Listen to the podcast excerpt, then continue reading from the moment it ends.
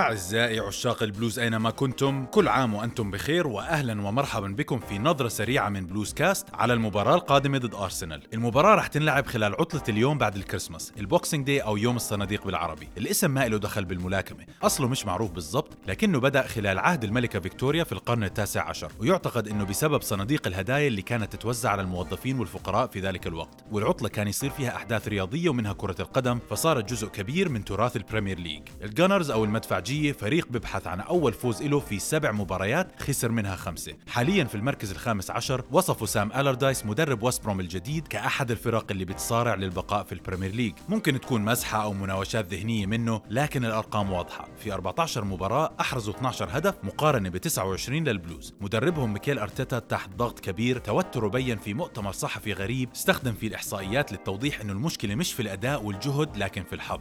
When you look at the perspective how we are losing football matches and how we are where we are it's pretty incredible. Because last year against everton we won the game with 25% chance. You win 3-2 last weekend is 67% chance of winning and 9% of losing. And you lose 3% against burnley. And you lose 7% against the spur and you lose. This is something else that has to go our way and at the moment it doesn't والمدفعجية ممكن يدخلوا المباراة بدون أقوى مدفع عندهم أوباميان. لكن لما تبدأ المباراة انسوا الأرقام والأنماط والاحتمالات. بالرغم من كل شيء بضل أرسنال نادي كبير ومدربه ولاعيبته جيدين جدا. وفي المباريات الكبيرة بيعرف لامبارد إنه اللاعبين الجيدين عادة بيرفعوا مستواهم. They're just a good team with a good manager. It's some tough results recently, but the general uh, wave of the Premier League this season for every team has been more inconsistent than it's been in probably previous seasons for, as I say, most teams. So it's not my concern exactly where they're at. It's my concern is the, the team at face value in terms of quality, and they're a high quality team.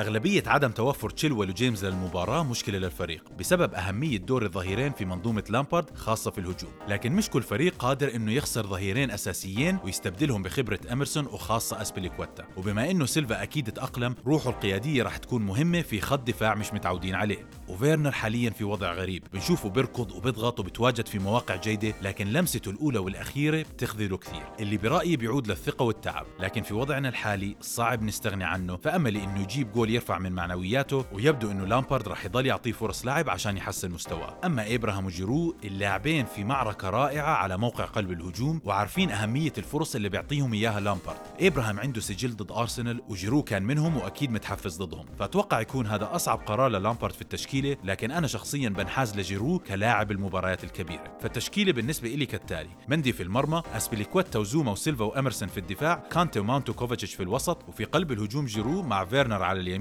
وبوليسيتش على اليسار. وبالرغم من الفوز الأخير تشيلسي لسه مهزوز وعنده إصابات. وممكن ثقة وتناسق اللاعبين يتأثروا في أي مرحلة من المباراة. لازم نلعب هاللندن ديربي بحيوية لكن بذكاء. لازم ما نترك لأرسنال وسع ووقت مع الكرة. وإذا دخلنا أول هدف لازم نكون متماسكين دفاعيا وقادرين نستغل الهجمات المرتدة. أتوقع فوز تشيلسي 2-0 طب أنتو شو توقعاتكم للمباراة؟ أنا أبو زريق ويلا يا البلوز!